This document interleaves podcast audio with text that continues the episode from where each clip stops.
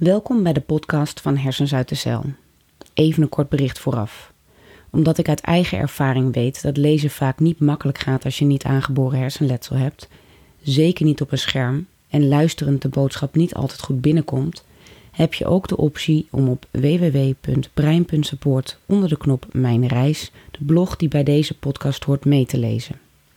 In de informatie bij deze aflevering is een link opgenomen die rechtstreeks naar de blog gaat.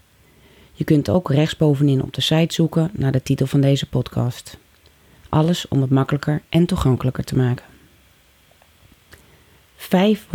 500.000 keer onverwachte impact.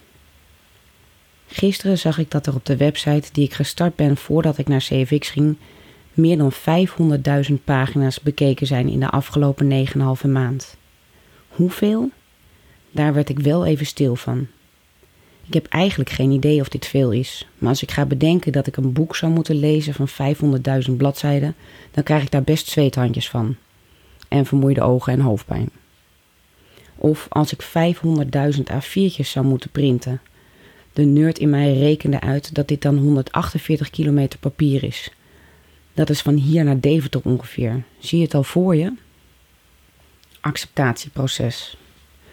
Gedurende de afgelopen acht jaar ben ik in een golfbeweging door de route richting acceptatie gegaan.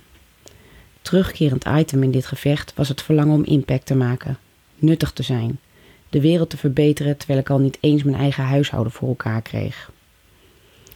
Het verlies van de mogelijkheid, dacht ik, om echt een verschil te maken, was mij ontnomen, maar ambitie was niets minder geworden.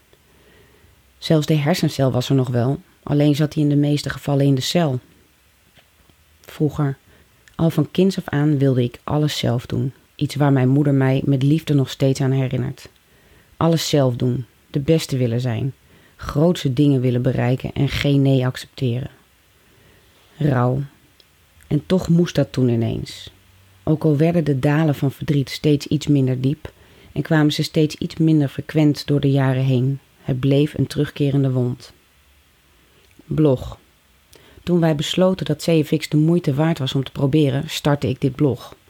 In eerste instantie omdat ik voor de crowdfunding het belangrijk en wel zo eerlijk vond om mij kwetsbaar op te stellen en alle gulle helpende helden op de hoogte te houden. Gaandeweg bleek het ook heel goed te zijn voor mijzelf. Het schrijven gaf mij focus en hielp mij het enorme emotionele proces te ordenen en te verwerken. Even van buiten naar binnen kijken helpt. Impact. En nu blijkt de blog ook gewoon impact te maken. Totaal niet verwacht. Niet het doel, maar wat vind ik het fijn. Ik krijg al de hele periode sinds ik ben gestart met schrijven regelmatig reacties. Audioberichtjes, mails, maar ook wordt er minstens één keer per week wel face-to-face tegen mij gezegd dat mensen het lezen en volgen. En hoe fijn is het dat mensen hierdoor weten van CFX? Of zich minder alleen voelen met onzichtbare ziekten en of beperkingen. Of gewoon omdat je je vermaakt met het lezen of luisteren naar mijn verhaal. Dus dank je wel. Ik geniet ervan. Dus dank je wel dat je dit leest en luistert. Het betekent meer voor mij dan ik onder woorden kan brengen. Ik heb onverwacht meer impact dan ik ooit nog voor mogelijk had gehouden. Het kan dus ook als je niet een reguliere baan kunt uitoefenen. Ik schrijf voorlopig lekker door. Heb je vragen of een onderwerp waar je meer over wilt weten? Vraag het gerust. Wie weet ben jij de inspiratie voor mijn volgende stukje reis in tekst.